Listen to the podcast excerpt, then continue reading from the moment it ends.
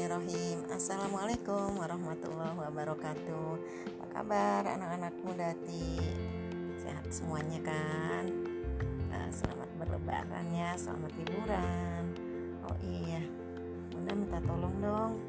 Kemarin kan tanggal 2 Mei Bertepatan dengan hari Idul Fitri Juga bertepatan dengan Hari Pendidikan Nasional.